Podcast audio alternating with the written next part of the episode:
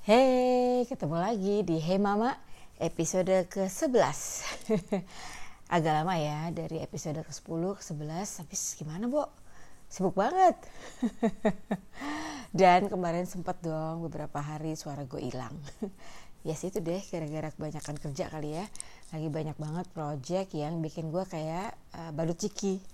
Alias harus ngomong terus harian Jadi ya suaranya masih agak-agak belum balik But anyway, uh, karena kemarin itu kebetulan gue punya teman lama yang uh, kayaknya dia itu kayak terinspirasi, mungkin kayak ngelihat banyak orang bikin bisnis gitu, terus kayaknya dia bilang sih melihat kayak kayaknya kok kayaknya enak ya Ri gitu lo punya bisnis gitu.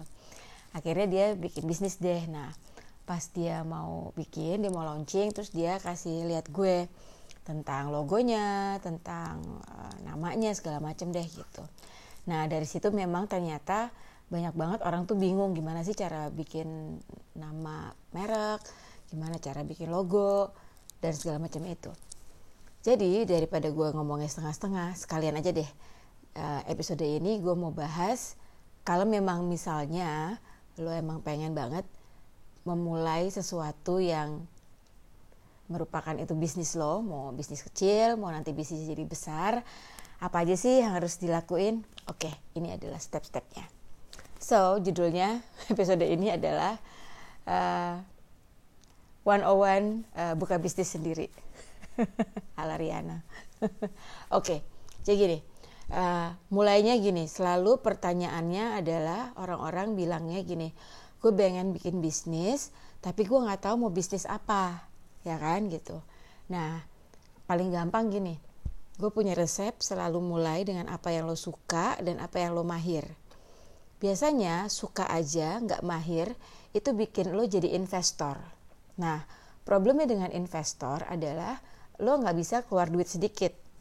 Nah ini yang akhirnya menjadikan banyak banget orang tidak mulai-mulai bisnis atau tidak mulai-mulai usaha karena nungguin modal ya kalau jadi investor ya harus punya modal lah. Kenapa? Karena lo harus bayar orang harus bayar tempat misalnya harus pokoknya harus bayar orang karena kan lo jadi investor karena lo nggak tahu gimana kerjainnya gitu. Nah akhirnya kalau lo nggak punya modal ya udah nggak mulai-mulai deh. Nah lo tungguin deh tuh kapan modalnya datang tapi kalau misalnya usaha yang memang lo bisa dan lo suka artinya lo mahir dan lo juga suka itu biasanya modal itu adalah uh, urusan kesekian karena biasanya modal yang utama adalah lo sendiri karena lo nya memang udah suka dan lo nya bisa ngerjainnya. Contoh, misalnya lo pengen bikin bisnis usaha uh, kue gitu. Nah, daripada pusing nyari orang lain yang masakin kuenya atau bikin dulu sewa tempat di mana, kenapa nggak mulai dari dapur sendiri, ya kan? Yang bikin kuenya lo, ya lo foto sendiri, ya lo apa namanya promoin sendiri di Instagram atau mungkin di Facebook atau di mana gitu ya udah lo yang jual sendiri gitu. Menurut gue nggak ada modalnya sih ya nggak sih? Uh, modalnya bisa dibilang ya minim banget karena memang lo pakai dengan apa yang lo punya sendiri gitu. Nanti uh, udah bikin satu kali besok bikin dua kali besok bikin tiga kali ada yang order nggak? Uh, kalau ada ordernya berapa banyak berapa sering gitu. Waktu lo lama-lama uh, dipakainya tambah banyak apa tambah sedikit? Lo bosen gak ngerjainnya? Setiap hari harus kerjain kayak gitu. Bisa nggak bagi waktunya? Apalagi kalau ya masih kerja. Jadi kalau harus bagi waktu antara kerja sama uh, bisnis sampingan ini kan gitu. Nah kerjain itu terus terus terus terus sampai akhirnya bener-bener perlu modal. Artinya wah nih orderannya udah tambah banyak nih gitu. Aduh gue udah nggak sanggup ngerjain sendiri gue harus cari asisten. Atau kayaknya gue harus beli oven yang lebih besar nih. Kalau enggak uh, pesanan nggak pernah kekejar atau gimana. Baru teh modalnya terakhir gitu. Udah kesekian. Tapi waktu di awal biasanya nggak perlu modal gitu. Jadi uh, tips pertama selalu mulai dengan apa yang lo suka dan apa yang lo mahir. Oke? Okay?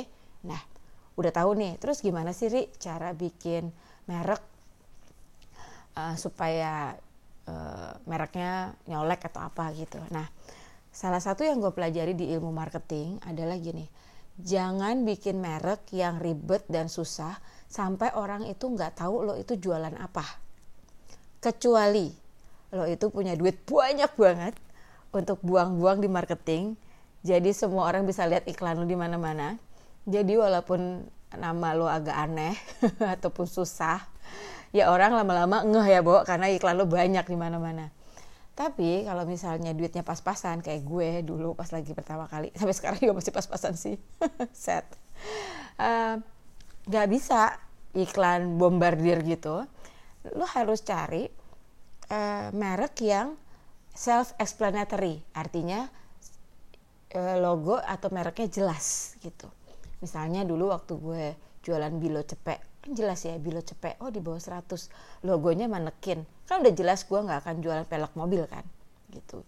Nah jadi uh, lo make sure lo mau jualan apa gitu, itu satu.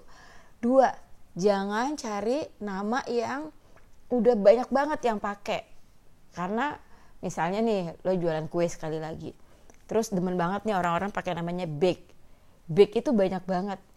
Uh, kenapa nggak lo cari sesuatu yang uh, lebih unik tapi memang uh, slogannya di bawah ya lo masukin deh. Misalnya memang lo jualannya cupcake atau apa gitu. Misalnya kue tart atau birthday cake atau artisan atau apa.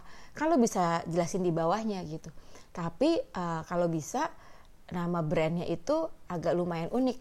Kenapa? Karena supaya nggak identical. Problemnya kalau misalnya nama lo agak mirip-mirip dengan sekian banyak toko yang lain, itu bisa jadi nanti pelanggan suka salah pesen. Maunya pesan lo, tapi dia salah waktu lagi searching ngelihat merek lain dia pikir sama. Akhirnya dia akhirnya pilih orang lain gitu. Apalagi kalau merek kita belum terkenal. Jadi kayak baru-baru. Itu kan struggling banget karena kita kan memang belum banyak yang tahu. So make sure uh, logonya dan mereknya itu gampang buat diingat, gampang diucapin, gampang artinya. Terus udah gitu harus ada story-nya. Kalau bikin suatu produk, yes, udah pasti produknya harus enak kalau makanan atau harus bagus atau apalah gitu ya. Pokoknya memang harus harus sesuatu dong, nggak bisa dong kalau bikin produk asal-asalan.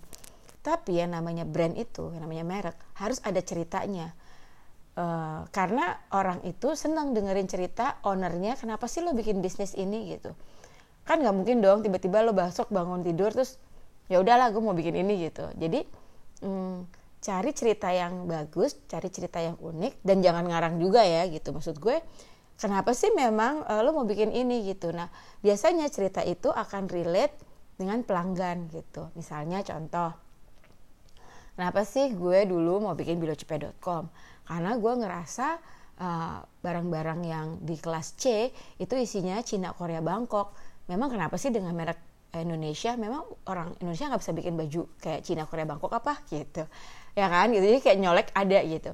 Atau misalnya lo uh, bikin uh, misalnya apa ya kue yang uh, buat apa ya misalnya buat ya oke lah misalnya kayak sekarang nih ketok gitu ya Kenapa lo bikin keto? Karena lo bilang, gue tuh soalnya diet keto dan gue tuh susah banget dapetin makanan yang enak menurut gue.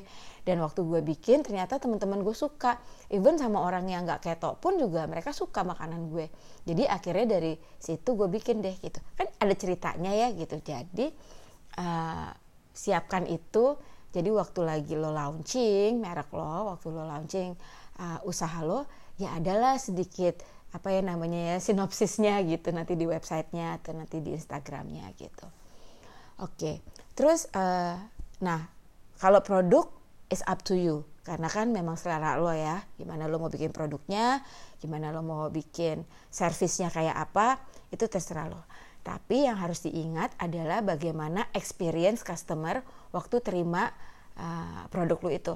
Jadi jangan pelit sama packaging. Yes oke. okay jadi kadang-kadang uh, kita itu suka kadang-kadang kita pikir kayak ah packaging itu kan nggak penting ya habis itu dibuang. Tapi orang itu kan nggak ketemu lo langsung ya Bo. Jadi dia nggak dengerin lo ngoceh gitu kan bahwa eh ini makanan sih terima kasih ya segala macam. Apalagi dengan gaya online sekarang yang apa-apa dikirim. Jadi pastikan packaging yang diterima sama pelanggan lo itu packagingnya itu sesuai sama merek lo gitu. Jadi kalau emang lo itu pengen dianggapnya misalnya high class ya packagingnya harus high class. Tapi kalau lo mau dibilangnya chic ya packagingnya harus chic. Mm, environmental friendly ya kayak gitu juga gitu. Jadi uh, pastikan experience waktu lagi pelanggan itu dapat uh, barang lo itu mereka itu langsung merasa kayak udah wis gitu loh. Nah begitu buka ya of course begitu ngeliat hasilnya mereka harusnya lebih senang lagi gitu. Uh, oke. okay. Terus gimana sih uh, cara jualan yang paling enak? Oke. Okay. zaman dulu kita selalu belajar namanya SWOT. Tahu kan SWOT? Strength weakness opportunity threats. Tapi menurut gue itu zaman dulu. It's so yesterday. Tahu nggak kenapa? Karena kalau zaman dulu itu satu rumah bisa cuma punya satu odol, satu sampo, sama satu sabun. Zaman sekarang suami beda, istri beda, anak beda, pembantu beda. Kesannya kayak semua orang tuh punya badan dan rambut dan kulit yang berbeda. Padahal tuh sebenarnya ya eh, jago-jagoannya marketing aja gitu. Nah, apa sih kalau dilihat dari fenomena itu? Jadi sebenarnya jualan zaman sekarang itu bukan SWOT lagi, tapi toast jadi sebelum lo bikin produk lo, kalau zaman dulu kan gini ya, gue udah bisa bikin produk nih, ya udah gue jual aja, siapa ya mau beli gitu. Kalau sekarang dibalik, kalau zaman sekarang kita lihat dulu di pasaran itu yang lagi nggak ada apa ya, di lingkungan gue itu yang lagi nggak ada apa ya gitu. Nah, abis dari situ kita cari opportunitiesnya. Kayaknya ya, sebenarnya ibu-ibu di komplek gue itu ribet banget kalau misalnya setiap kali harus uh, ngurusin misalnya uh, apa ya uh, arisan gitu. Karena mereka tuh sebenarnya nggak sempet bikin-bikin kue gitu. Tapi kalau misalnya pesan kue uh, rata-rata kalau catering harusnya banyak. Mereka nggak mau uh, pesan yang kecil yang dikit gitu kenapa gue nggak bikin catering uh, tapi dengan porsi kecil ya gitu. Yang 10 aja mau atau 20 aja udah mau gitu. Itu kan opportunity ya. Nah weaknessnya oke okay, kita lihat lagi nih oh uh, harganya berapaan ya gitu. Apakah hmm, kalau sama catering besar harganya gini atau kalau mereka langsung beli langsung sama online sama toko sebelah segala macam lu lihat deh gitu. Di sekeliling lo tuh kayak gimana gitu. Nah dari situ lo bikin strength lo baru deh oke okay, jadi kalau gue mau bikin uh, produk bakal yang kayak gini karena nanti sesuai dengan market gue yang kayak gini-gini.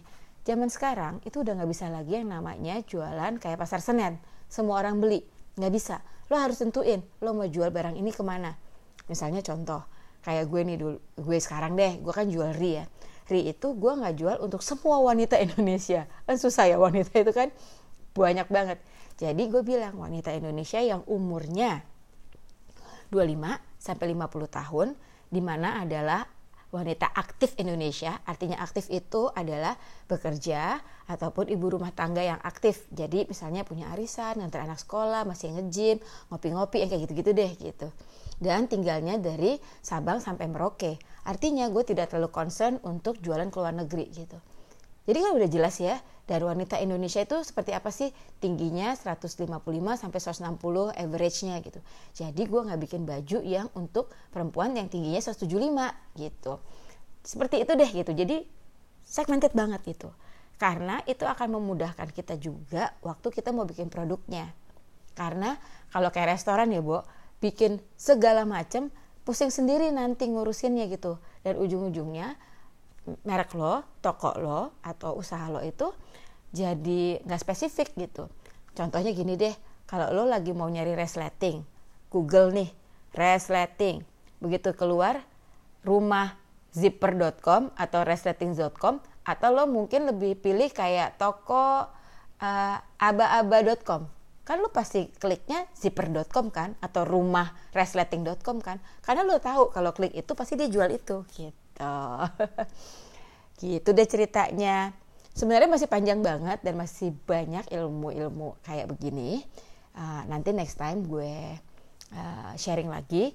But anyway kalau misalnya ada yang lo pengen tanyain atau pengen gue bahas lebih lanjut lagi tentang uh, hal yang seperti ini nih marketing branding logo merek uh, DM gue aja ya. Di Rianari di Instagram jadi nanti gue akan lihat, gue jawab di situ atau nanti gue akan bikin bahasan baru di Hemama berikutnya.